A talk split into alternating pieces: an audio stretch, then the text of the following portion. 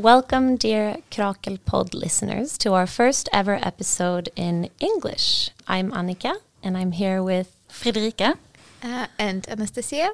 And we have uh, all been members of a study circle during the spring where we read Jason Moore's book Capitalism in the Web of Life. And this today's episode will discuss. So maybe first we would like to tell our listeners a little bit about Jason Moore.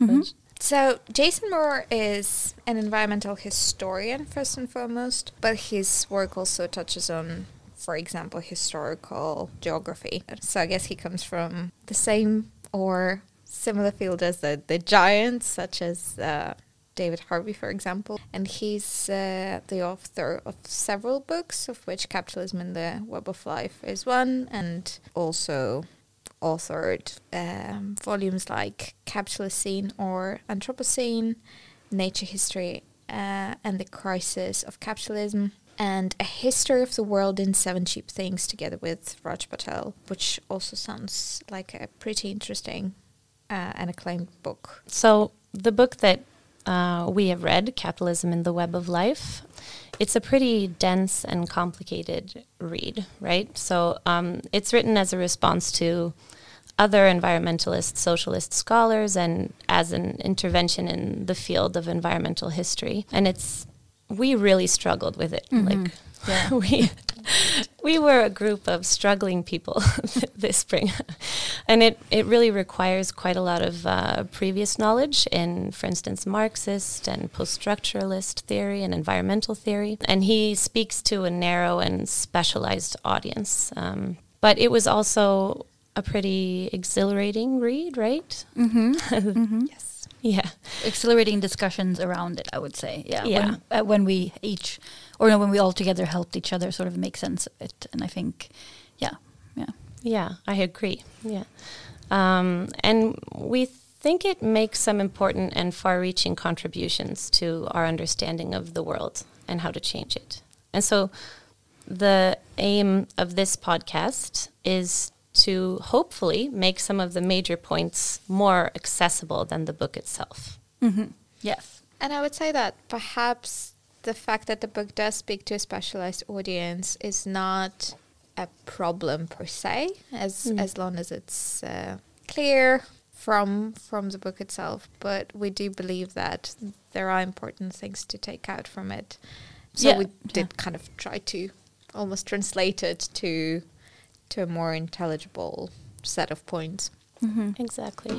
Yeah, and I think it's um, a friend of mine who's sort of more in this field, or like she was saying that it's like also important to remember with he's because he's in uh, he's in this book is in dialogue with other eco-socialist scholars. So I'm guessing like and that's what we've talked about too briefly right that it's in dialogue with that and like responding to that kind of scholarship and but yeah it's still really important uh, uh, uh, yeah to sort of make the insights more accessible outside of a very like dense academic language and that's hopefully what we can do today exactly so maybe we should start in moore's contribution to our understanding of like the converging crises of our times mm-hmm. and move into like the implications of those understandings for social movements mm-hmm. yeah so moore offers us really a um, theoretical and methodological framework that is seriously dialectical and avoids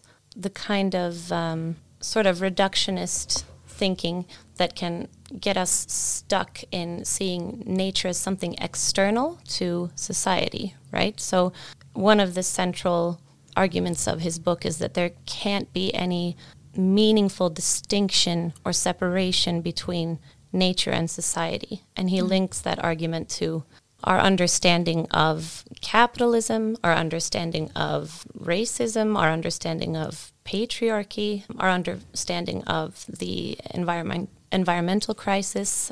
So So if I could pick up there I would say that being an environmental historian, he's kind of intervening the conversation about the environment but also in this history making exercise that we associate most often with society and social science and uh, things like that. And uh, so now that I think of it, it's almost natural that uh, he starts from from this binary exactly because he's he's thinking about environment. He talks about this distinction between nature and society and how influential and powerful it has been. Um, but in some way, saying that what what he acknowledges that humans are part of the society uh, of nature. Uh, the humans are part of nature, uh, inextricably so, uh, has been acknowledged before him, but it hasn't really been taken seriously in the further analysis. So the the dialectical moment in that analysis stopped with with that acknowledgement and then moved away to to some other modality of the analysis. Right, like so because the idea that nature and society are different things that can be separated is so pervasive, it's difficult to challenge and to really do that challenge in both our analysis of the world and our way of acting in the world. Because, like, it's not maybe perhaps a new idea that uh, hu- humans are natural beings, they're connected to everything in the natural world. It's been perhaps difficult for social theory to take that fact seriously. And Moore argues that this is connected to like our idea of nature as sort of an object, like a flat, dead, measurable, controllable, exploitable thing. Uh, and he argues that we should maybe, I mean, he introduces a new term to help us sort of mentally get rid of this dead object of nature in our mind. Uh, the term is oikeios, and it, it means, or he uses it to um, describe some the web of life, basically. So the web of life is not possible to separate from anything. It's uh, all encompassing, right? It's mm-hmm. basically the universe. Or would you agree? I don't know if I'm yeah. really. I'm maybe I'm like taking my, but. Um, the web of life includes everything from a car to like an ant colony to mm-hmm. you and your sister and the house you live in. Mm-hmm. Yeah, and I, I don't know if this is a good uh, time to bring up because he sort of so in one other article we read by Moore that sort of is written for a broader audience he like sort of rhetorically frames his argument saying like okay who is responsible for the climate crisis? Usually the response is uh, humanity like all humans are responsible. But Moore is saying no that's the wrong way of putting it because if we say oh all humanity is responsible for the climate crisis that's sort of like saying like oh it's inevitable because it's just humans being humans and that this is yeah that we've ended up in this position inevitably because humanity is by de facto exploiting nature and nature is different than humanity and all that. But he's saying no it's actually or he's pointing to this fact that we all know but maybe we're not giving it enough point but you know it's not all humans. It's just the global one percenters like the capital the capital owners right? And that's also where his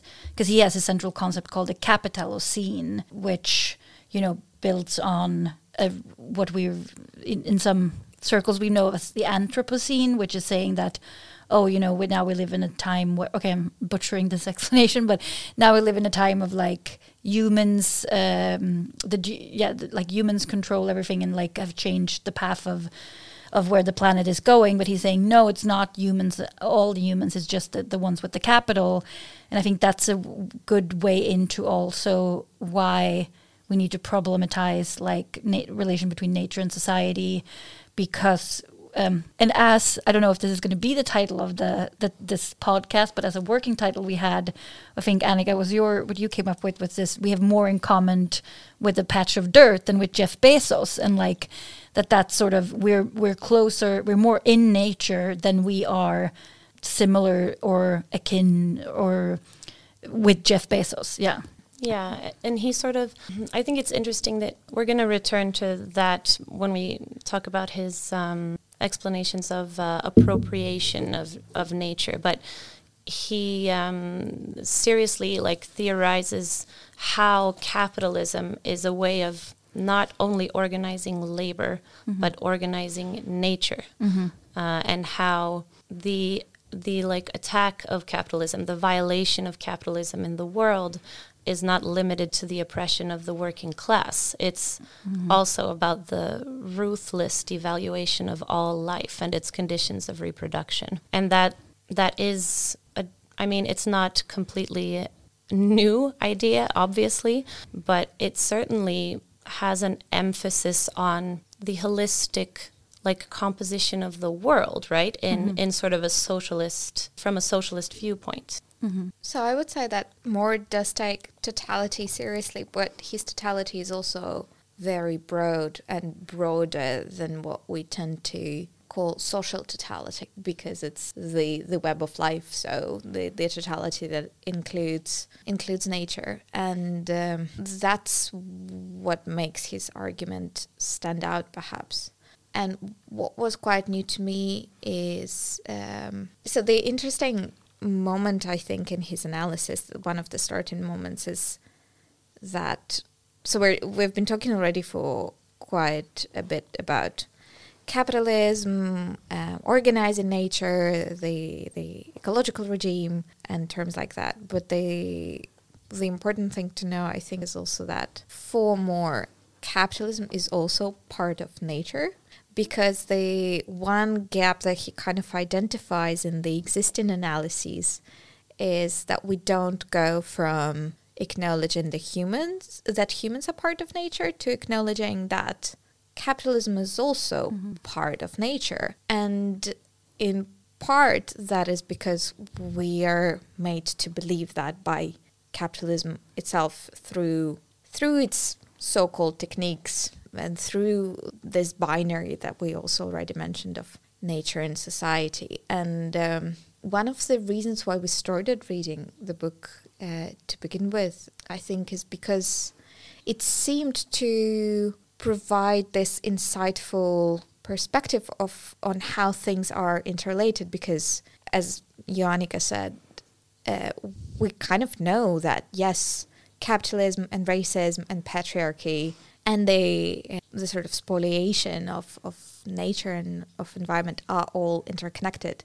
But he makes a case for how exactly that that's done, and I think the the brilliant move that he did, manages to do is to find the commonality in different social theory uh, uh, theories and structural, uh, particularly structuralist theories, on what unites what he sometimes calls women, nature, and colonies. So, like what unites racism and patriarchy and capitalist exploitation is precisely this division into external nature, which can be an object, and whatever comes under the definition of nature becomes a priori exploitable and expendable and an object to, to act upon, whereas society is is the subject. Uh, and so he identifies this binary that seems really foundational to both all other binaries we, we tend to think about, but also to, much more importantly, the, the way society is organized and capitalism is organized around that. And so, but and by doing that, he shor- he sort of uh, he makes a move in Marxism to sort of consolidate Marxist theory with a lot of the post-structuralist post-structuralist theory that he uh, that he I mean uses to make that kind of analysis. So okay, so the Marxist law of value tells us that it takes a worker a certain amount of time to make a product or to make a commodity, um, and that socially necessary labor time is what determines the value of that commodity. Okay, so so among many things, what Marx is famous for is his labor theory of value, where the value of commodities, particularly when we exchange them, depends on how much labor is contained in those commodities. And it's not the particular kind of labor, but rather the, the so-called ses- socially ne- necessary labor, or as Moore calls it, uh, abstract social labor. And Moore doesn't contradict Marx or, or try to undermine the theory of value um, but and the law of value, but rather he says that that law of value, that the value of something is determined by the amount of labor put into it, is at the center of of something that he refers to as value relations.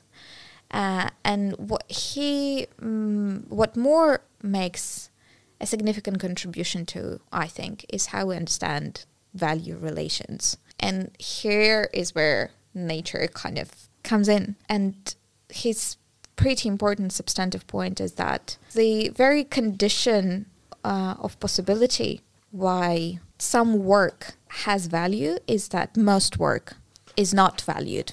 So some work is paid because most of the work is not paid. And by work, we understand not only wage labor, but also the work of nature, which comprises many, many different aspects. And so, like Marxism teaches us that the, the, the value of a commodity is determined by how long it takes a worker to produce it, uh, because the work of the wage laborer is paid. The, the worker has to be paid enough to survive, right? And to be content. So mm-hmm. it's also a relationally determined thing, obviously. But what Marxist theory usually doesn't focus as much on is all of the other labor that goes on in society. It's not, I mean, Marxism certainly focuses on reproductive labor, but um, doesn't recognize that. I mean, Marxist theory tells us that the majority of the world's work is performed by the working class in in a situation of uh, wage labor, right? But Moore tells us no, the majority of work is performed for free and by rivers, women, mm-hmm. slaves, the work that isn't valued in capitalism is the work and energy of the rivers, the fields, the forests, the work of women and slaves, the work of the bees and the birds. And this is Moore's words now. A tree or a horse or a geological vent cannot be paid, and yet commodified labor power cannot produce anything without the unpaid work of the horse or the tree. And I guess two, th- correct me if I'm wrong, but are there like two things here that differ from maybe a traditional Marxist analysis? And one of them is recognizing the centrality of all of this work, like mm-hmm. placing it more in center of all like production and reproduction basically, but also maybe affording more maybe not maybe agency is the wrong term, but um, much greater importance to things that are not I mean, the work of a river, right? Like mm-hmm. that's yeah. not a very objective. Like it's not uh, traditionally maybe the way we see the we see the river as like yeah as an object, a, resource, a resource. Yeah. yeah. Whereas Moore in an attempt to analytically grasp the way that all social relations are embedded in nature and determined by their relationships with everything else in the rest of nature reconceptualizes the river as a worker in a sense. I mean, not a mm-hmm. n- n- mm. not a worker perhaps, but I'm thinking also again, correct me if I'm wrong, but I'm thinking if sort of like a feminist intervention into Marxism was partly like Federici and others of saying, you know, wages for housework, like all this reproductive, the the labor that happens in the home is reproductive labor, that's unpaid work, but it's still very, very important and or it's central to the reproduction of the, of the capitalist economy. And so maybe we can say that Moore then takes it like one step further and says it's not only like the unpaid reproductive work by humans, but it's also the work of that we gain or like the work done by whatever resource we are extracting something from so like a river or a mine or a and that he i mean if that if capitalists actually paid their bills if it was true that mm-hmm.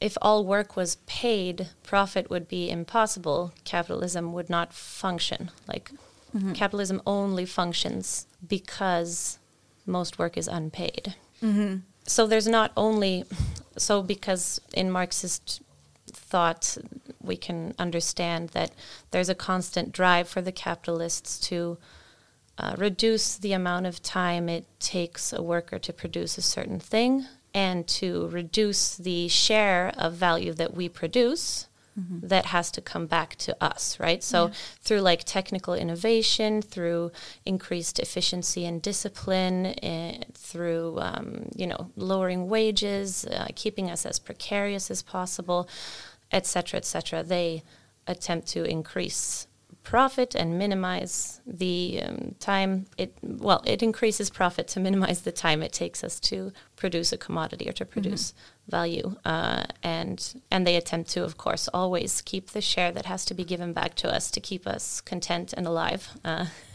to reduce it as much as possible. But he t- this is exploitation basically right?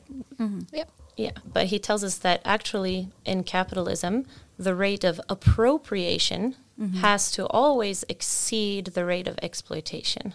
And here perhaps we should specify that the rate of appropriation is precisely the the grabbing of the unpaid work of human and extra human nature. So both of certain humans and of what capitalism designates as resources. Um, and uh, Fredrika started talking about it a little bit, and I just find this part of Moore's argument really fascinating. The part where he talks about resources and commodity frontiers and how our current understanding of, of them, the substantialist understanding, is uh, not helping us and is really precluding important knowledge and important kind of action available to, to us.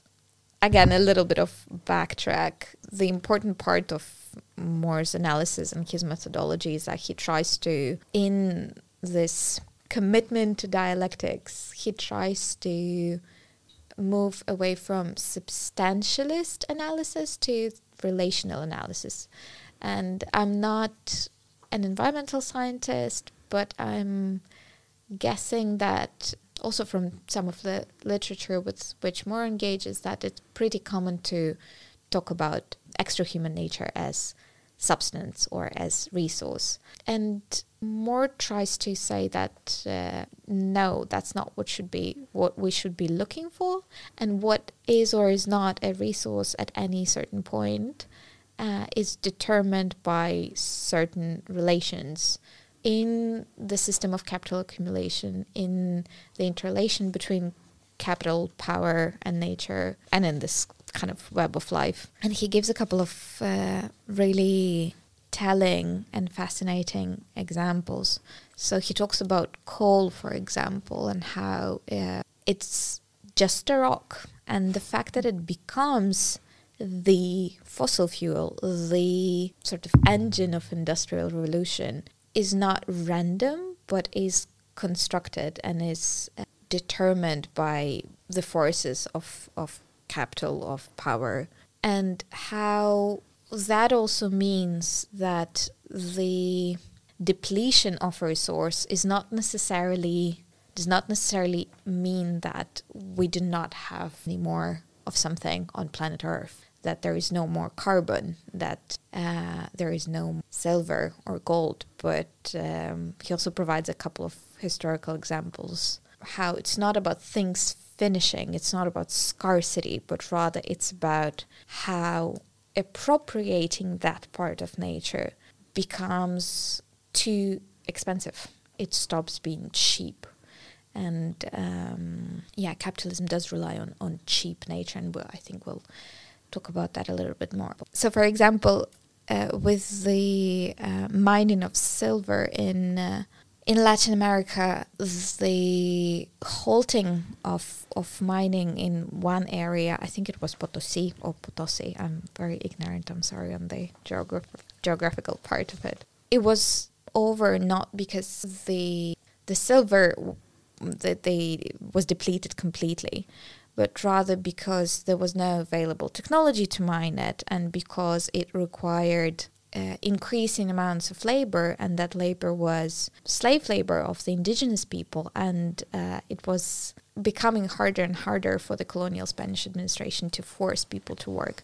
Um, so that short vignette kind of aimed to demonstrate that uh, what resources um, and what our understanding of enough and not enough is those are both determined by many different factors rather than the substance itself. And importantly, by the relationships organizing both those substances and people, right? Mm-hmm.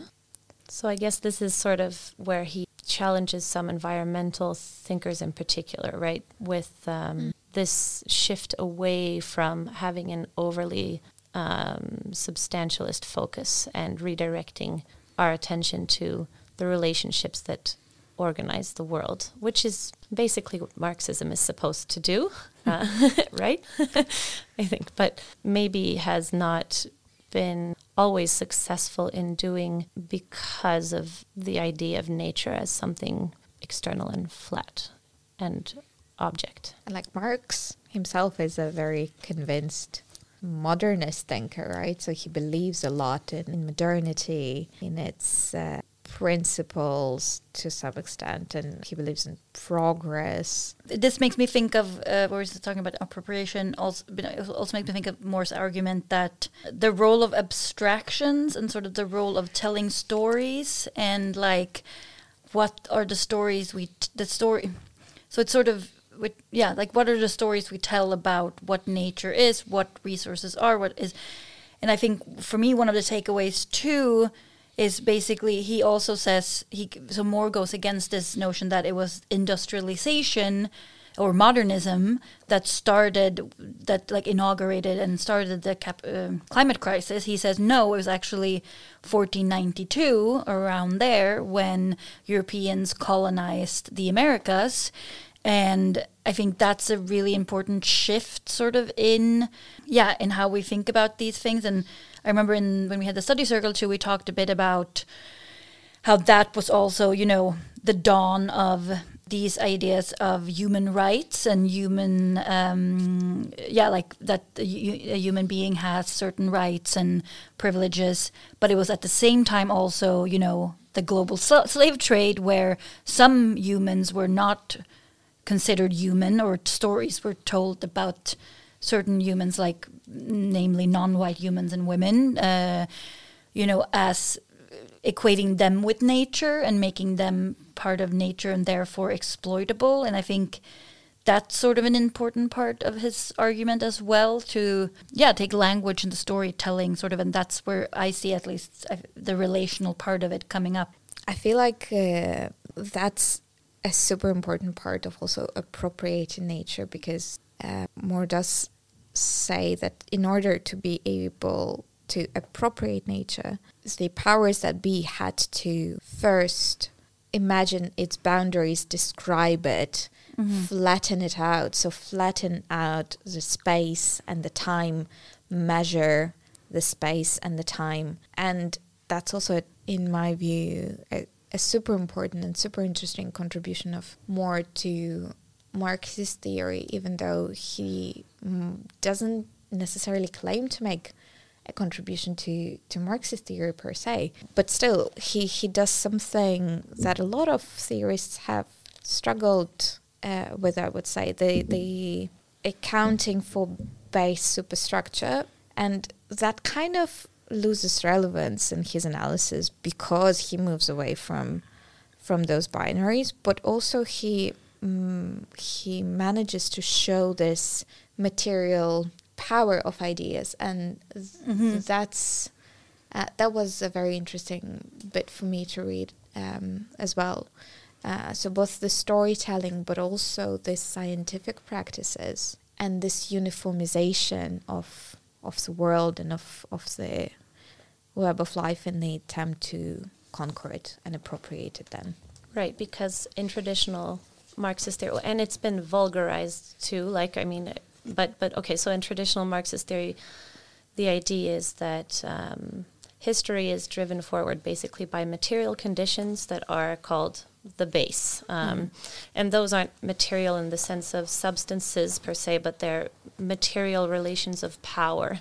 And the superstructure is ideology, law, culture, all that jazz, right? and uh, traditionally, I think I think Marx says that there is an uh, Determination. there's an interdet. I mean, yeah, the base is, uh, but but the superstructure isn't simply it's not only like a justification of or reflection of uh, material conditions in the base. It also uh, they they um, the the base and the superstructure determine each other also in some mm-hmm. sense. Even though generally Marxist theory would lean towards emphasis on the base, right, and see ideas and um, I mean institutions uh, as expressions of class relations uh, and mm-hmm. justifications mm-hmm. for class relations and results of class relations, basically. But more, so the the whole set of like ideas, but also practices, right, that we've been mm-hmm. talking mm-hmm. about,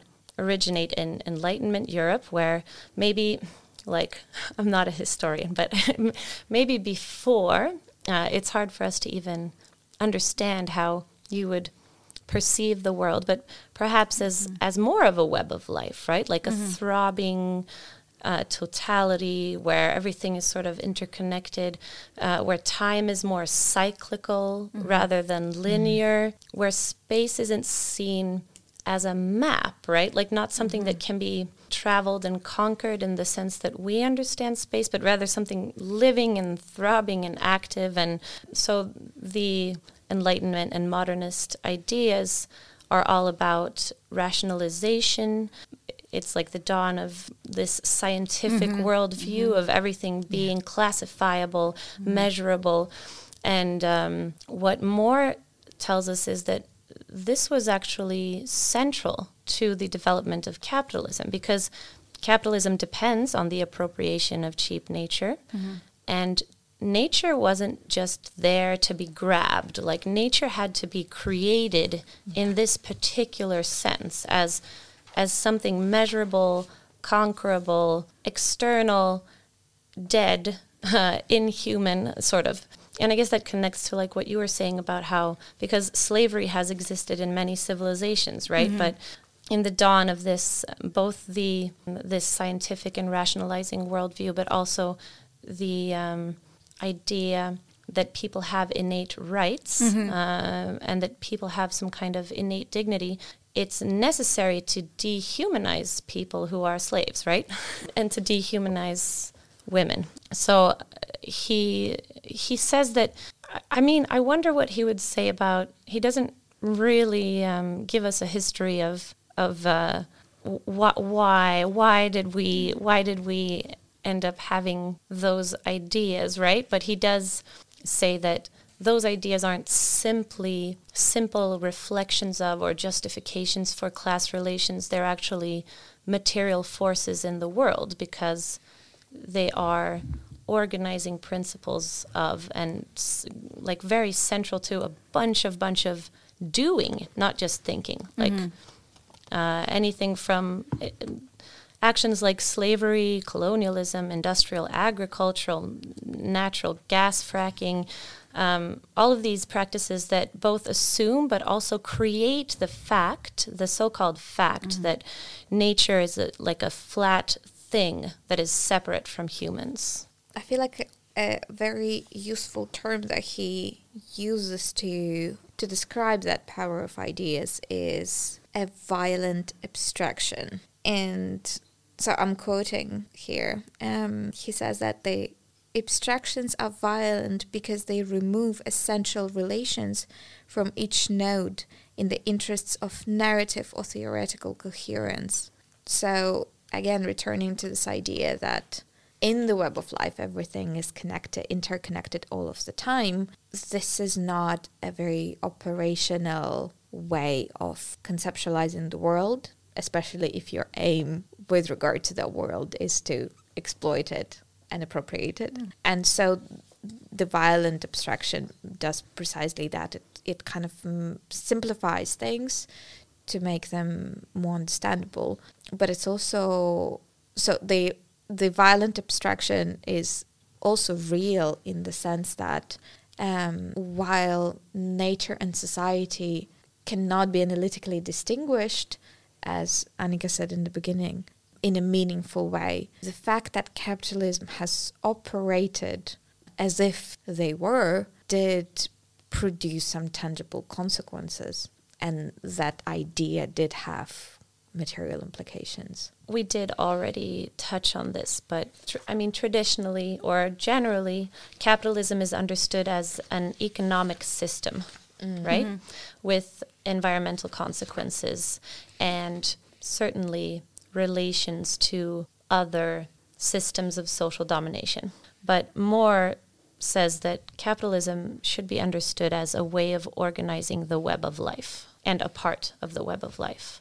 And that's that ties into the fact that you were talking about Fredrika, about how the beginning of capitalism isn't the like processes of um, commodification of labor, for instance, necessarily, mm-hmm. like the or the industrial revolution or whatever. Mm-hmm. It starts with a shift in how nature was organized. Mm, uh, Yeah. Yeah. and I guess like why it's Im- why that's important for us to understand is that we can't we can't challenge capitalism only as an economic system. We have to challenge it as a ecological regime and also importantly we can't we can't challenge the brutal like appropriation of nature and the devastating ecological consequences that that has if we don't challenge capitalism. Mm-hmm. Yes. Which kind of ties back to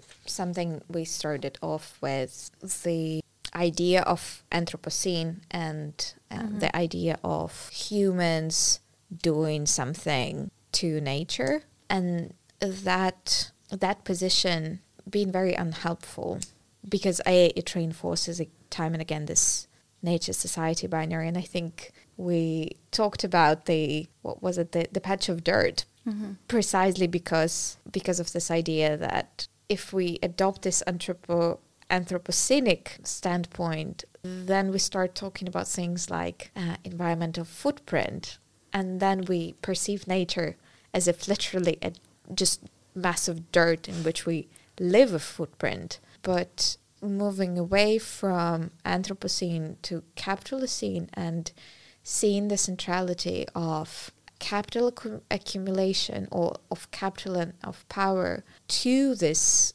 ecological regime and to uh, this devastation allows us to um, to see what needs to be done. So, as we mentioned a couple of times during the study circle, it's not that we need to buy different tomatoes; it's that we need to do away with commodity form as such.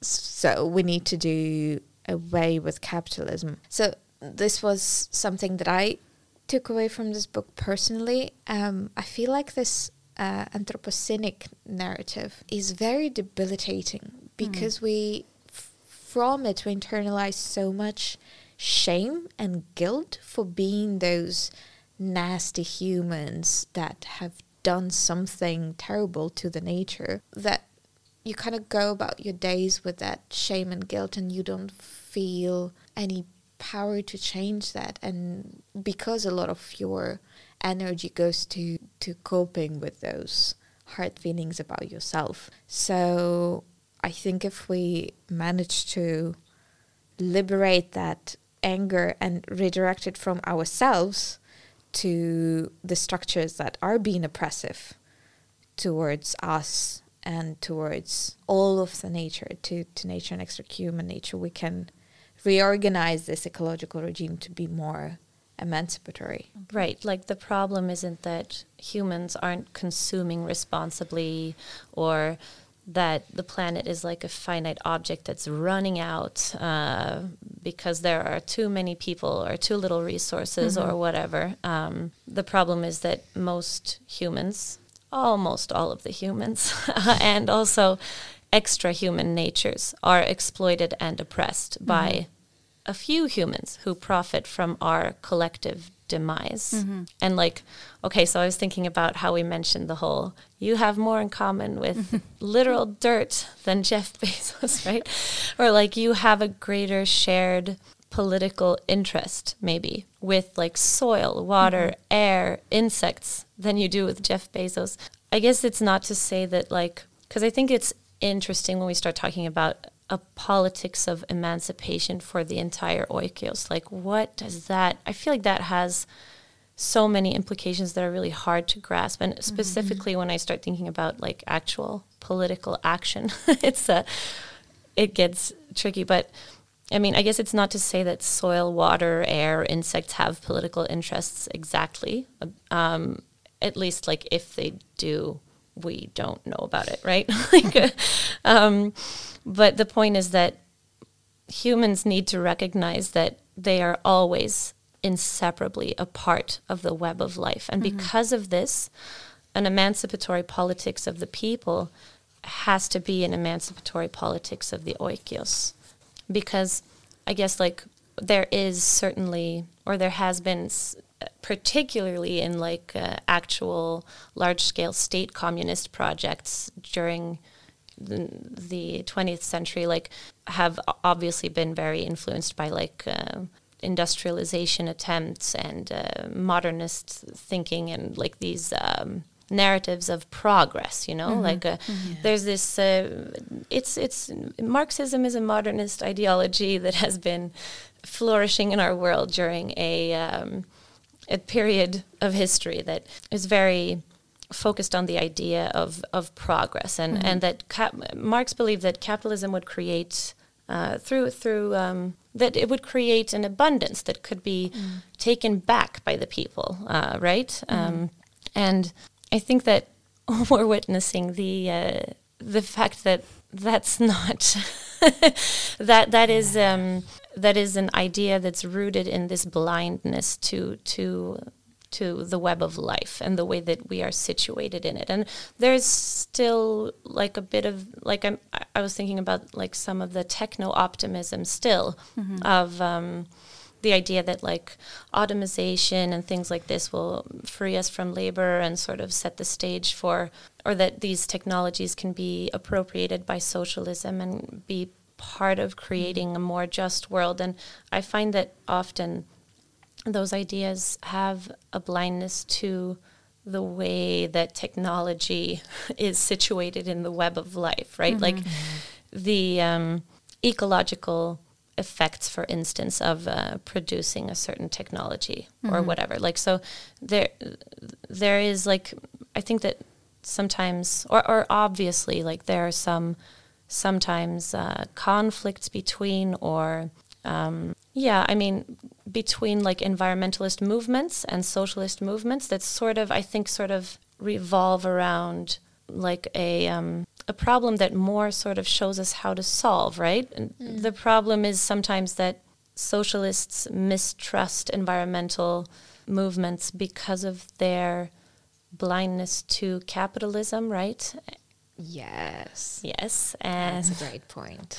And um, environmentalist activists sometimes mistrust socialists because of their blindness to environmental politics. Mm-hmm. And they're perhaps in particular conflicts emphasis on like there there can be real conflicts between the interests of workers and and the environmental effects mm-hmm. of uh, so so I think that that needs to be resolved because in actuality everything is connected all of the time right and and uh, it's the same set of social relations that make that threaten the breathability of air and the potability of water that also make us alienated and exploited and oppressed uh, in whatever way in the way that we die in a Bangladeshian factory or in the way that we spend our entire lives alienated doing mm-hmm. something that we would rather not do just in the interests of pre- creating mm-hmm. profit for somebody else right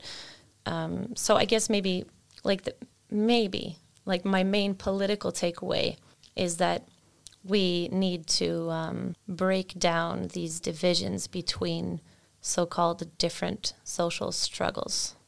Mm-hmm. Mm, yeah, because he does show quite well how they all have the the same root. Right, and that's not, I guess, like that's not new in itself, right? I, I think that the idea that like uh, capitalism is the root of all evil doesn't feel new to me. it does feel sort of new to me to think of it being completely central to always direct attention to the connectedness of, um, I guess, like maybe it's um, this sort of notion that now we're going to do a trans now we're going to transfer to electrical vehicles, but then that means we need I don't even know what those minerals are called, but you know we need yeah. some minerals that you can only find at the bottom of the ocean and now there's like this discussion about the bottom of the ocean and parts of the Caribbean I want to say, but maybe it's on a lot of different places, but it's mm. like that's being mined by global capital as like this new frontier of how we can extradite extradite these resources and I mean if that's if anything it's sort of a I don't know tells us that maybe that's not the solution to just like let's go ele all electrical because that's mm. not but you know what I mean have you heard of fully automated luxury communism a little bit, but I'm not that familiar with it actually. Yeah. So one of the ideas in that book is that we should colonize space to mine for these minerals that we need for our electrical cars and yachts. just, so that maybe is like the most prime example of a I would say semi-leftist thinking, but mm-hmm. still like a, a, leftist thinking that is um, extremely oblivious to the fact that we need a politics of emancipation for the oikeios, or mm-hmm. that is also very blind to the fact that perhaps perhaps we we need to actually challenge the whole idea of uh, I mean just the, the the idea that we're going to go colonize space. I mean, I feel like sort of, you know, maybe we need to also examine the not only the problem of um, poverty, for instance, or inequality, or the unsustainability of certain energy regimes, right? We need to understand that all of all of the things that we want to change and rectify uh, are rather more about um, oppressive and exploitative ways of organizing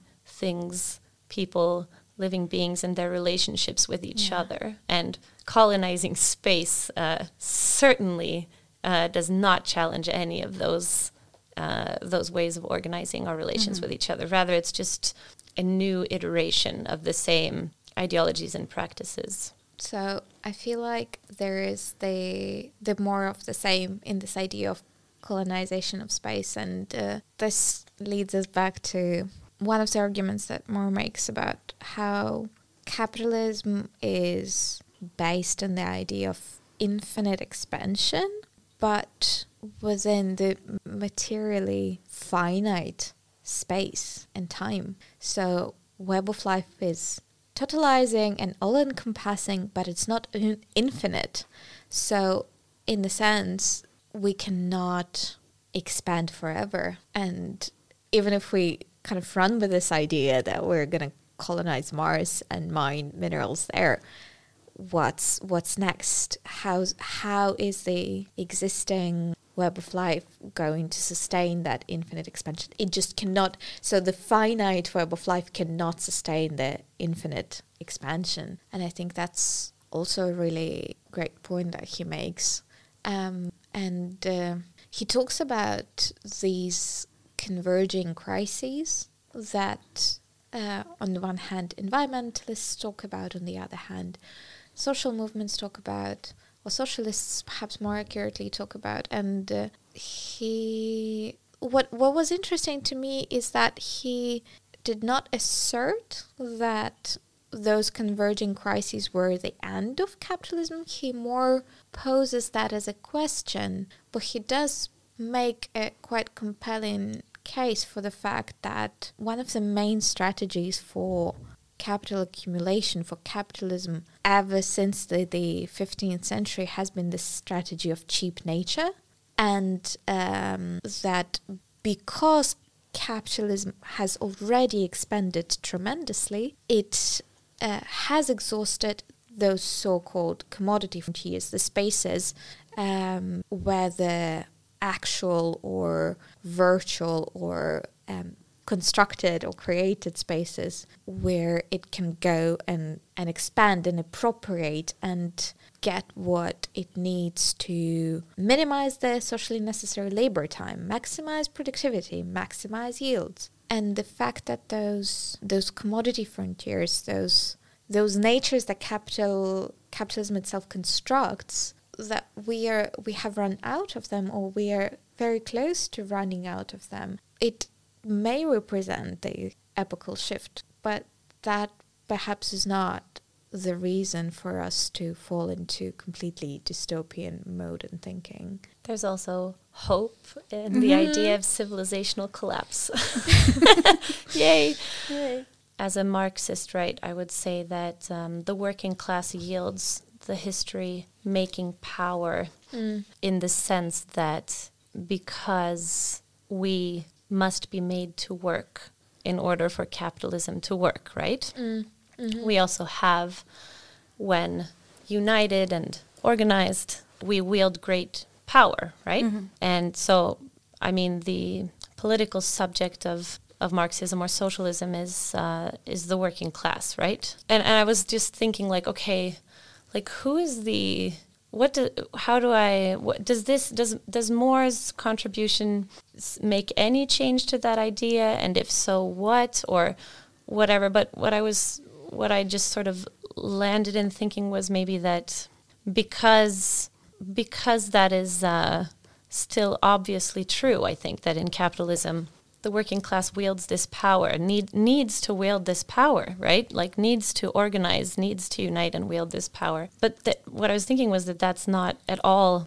recognized in any environmental movements almost that I know of in Sweden at least. And I don't think it's uh, necessarily a um, mm, connection that is commonly made to think that we need to wield our power as workers to save the environment or whatever. I mean, that mm-hmm. would to liberate the oikeios would be a more more way to say mm-hmm. that. But okay, so maybe it's just a reiteration of something I already said. But the, like class struggle mm-hmm. has to be climate struggle, and climate struggle has to be class struggle, and maybe also that like we've. I was thinking about the more he talks about the devaluation of life, right? Like that mm. life is not valued in capitalism. And um, I think that socialism really is is the politics that honors existence and life, right? It's, I mean, it's a tragedy that we spend our lives alienated, using our bodies and minds to serve the interests of exploiters. And socialism is the fight for honoring life in this sense already, right? Um, The fight for a world in which people have meaningful and fulfilled lives where they create what they need together for themselves and for each other. And it's a fight for a world in which we value the things that we need and that enrich our pretty short existences and where we care for each other. And I guess maybe that's not always so explicit. Like this existentialist dimension of it somehow mm-hmm. like ties into what Moore is saying in some sense. What are mm-hmm. the what, how do we do a politics that is about valuing life without that becoming that takes life seriously, I guess. Well, I guess that's why his contribution is so important because it reminds us that we are embedded in the web of life and that we do need to find the way to exist within this web of life in such a way that does not preclude the, the, the reproduction of conditions of life for both human and extra human species and nature. And in that sense, I think if we take this idea seriously, then we can be more serious about the idea that web of life or oikeios can be organized in more or less oppressive and more or less emancipatory ways. But a little bit on a different note, I would also add that while we do have very significant agency, Moore does sort of acknowledge agency of extra human nature on capitalism as well. So that's kind of the corollary. Nature is not an object, that it also affects capitalism dynamically, and nature has not been it has not been a passive object and it has posed the resistance. And one of the ways in which it it has been doing so in a recent decade that Moore talks about is the phenomenon of superweeds. So I mm. I don't know a lot about it, but he does, and I know what what, what I I have learned from this book. But the point is that uh, the green revolution and the wide, very wide-ranging use of pesticides and herbicides ha- has been already challenging the so-called cheap food for the past 10 15 years and it is going to become an ever pressing issue and in one wa- in one sense the emergence of superweeds as these very invasive species that just occupy thousands of acres of arable land and agricultural land. On the one hand it has been co-produced by capitalism but on the other hand it has also been co-produced by nature that's Yeah. posing the resistance. Uh, so in that sense i think we we might also be well served by some humility where we look at agency differently and we realize our agency. We use it wisely or we attempt to but we also don't don't perpetuate the this thinking where only we have agency but extra human nature doesn't. But do you think that do you think that because that's sort of where I struggle with the I guess distinction between like the analytical contribution and the mm-hmm. political contribution where anal I mean in analyzing any situation thing place or relation in the world I think that he really makes a grand contribution to unsettling this idea of um, a opposites relation sort of between object and actor or where where like nature is is object and human is actor right? But um, in a political sense i mean we at least can't mobilize the agency of the superweed right? Like we can't we can't uh, do you understand what i Yeah. mean? Yeah, Uh, but I guess that's sort of I like that contribution because um, uh, I was thinking about the discussions we had during the Krakelkväll, um, an event that was focused on Marxism and magic and discussed different kinds of magical thinking and uh, its relation to Marxism.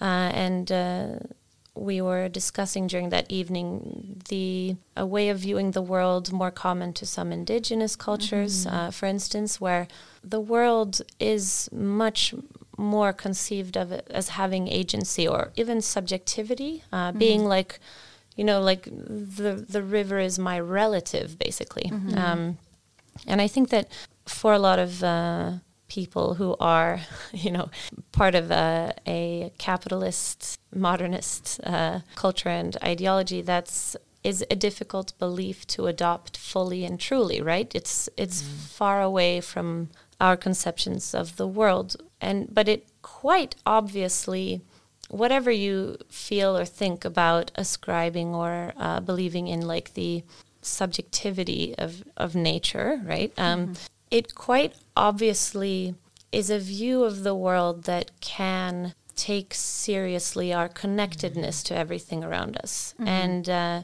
I think that it's because I, I was thinking about Federici too. She talks about re-enchanting the world, and she has sort. I, I really love her writing, but she does have a sort of um, romanticizing view of nature.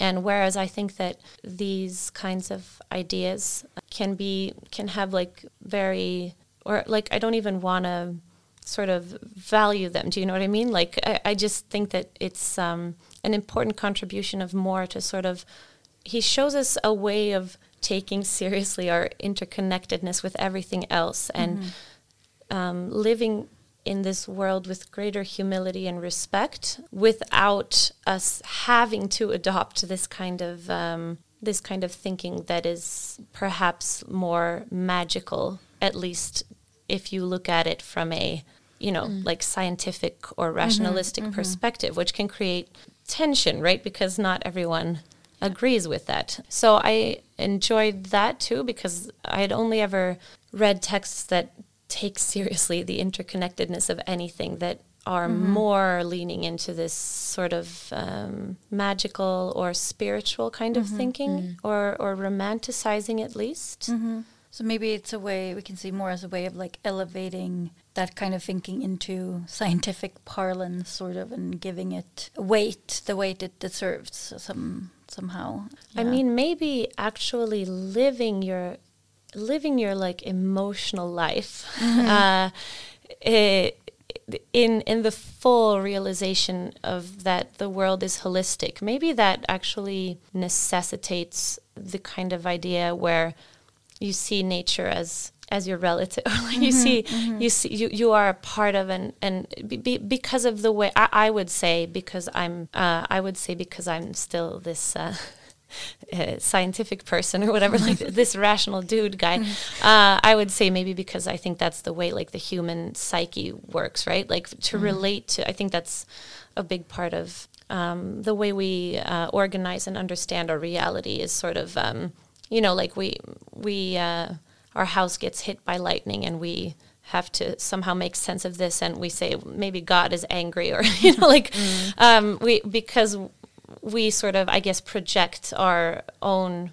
mental and like our cognitive and emotional constitution on the world because that helps us relate to the world right? So maybe um, to qualitatively uh, enact um, in your at least like in your personal experience the fact that nature is not an object and and everything is connected all maybe maybe you do need to ascribe you know subjectivity and i so but but i think that it's important to have a uh, political theorist that can yeah exactly that can like what you said Fredrika like that can show us how everything is connected all of the time without necessarily romanticizing So perhaps in a in a way that can be a stepping stone for then us to explore that emotional way of engaging with the world starting from a different knowledge starting from starting from a different basis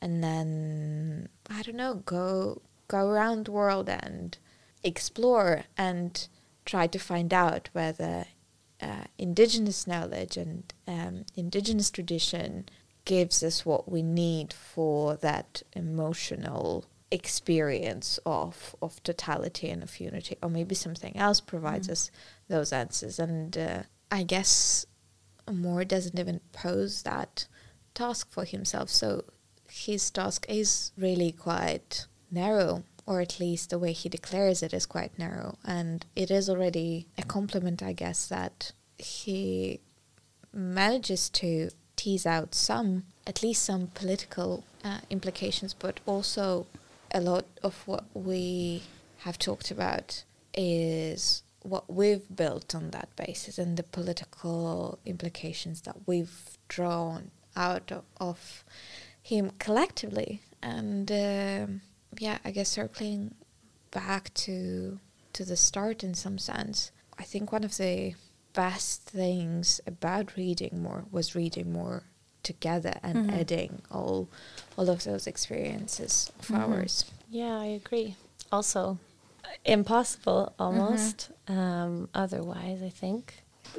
I was thinking about um, the uh, there's like a kind of environmental envir- environmentalist discourse, I guess, that I think is connected to the fact that a lot of um, theoretical and political writing that that challenges environmental destruction in different ways Mhm. can be a little bit romanticizing uh, or yeah i think i think that there's like a, a body of ideas about nature being you know like this emphasis on things being natural and uh, nature is like this pristine thing it's almost Mhm. associated with like cleanliness uh, right and it's being destroyed and it's uh, and it's uh, it's i think that's connected also to this individualizing discourse of and this idea that humans are the problem right? Like hu- humanity is destroying pristine nature and nature in itself is clean and good and humans are bad and dirty. And um, it creates sort of a an idea of uh, minimal intervention right? Like uh, we we shouldn't leave our foot we shouldn't um, we shouldn't intervene in nature whatever. And that that um, that feels sort of like at least a vein in environmentalist thinking that we need to get away from, right? We need to recognize that that's not really the case. Like, uh, the problem isn't that uh, we are destroying nature as like this uh, clean, pristine thing, or that we need to minimize our effect on nature, something like that. The problem is that the whole web of life and all of our relationships within it are being organized in oppressive and destructive ways.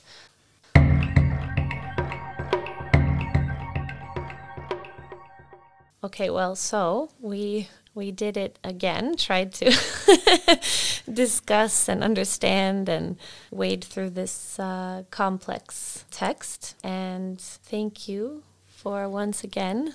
Thank you both. Uh, this feels. I hope. I hope our listeners will, will get something out of this, and um, yeah, I hope we can. This can lead to more interesting discussions and actions, and yeah. And I'll just add that it's fascinating how we have talked about this piece of writing so many times during the study circle in preparation and now and each time um, something new comes out and we draw more conclusions, we think about different things. And that is, of course, a compliment to the book, but I think that's also the characteristic of what that's also the, the feature of communal living, of thinking through together, which this idea of unity also somehow encourages. So, yeah, let's read together more. Mm-hmm. Yes. yes. Beautifully put.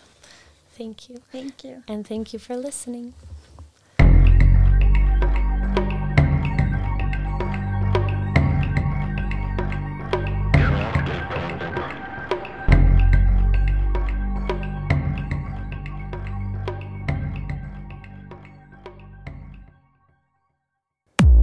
Du har lyssnat på en podcast som görs i samarbete med ABF Malmö.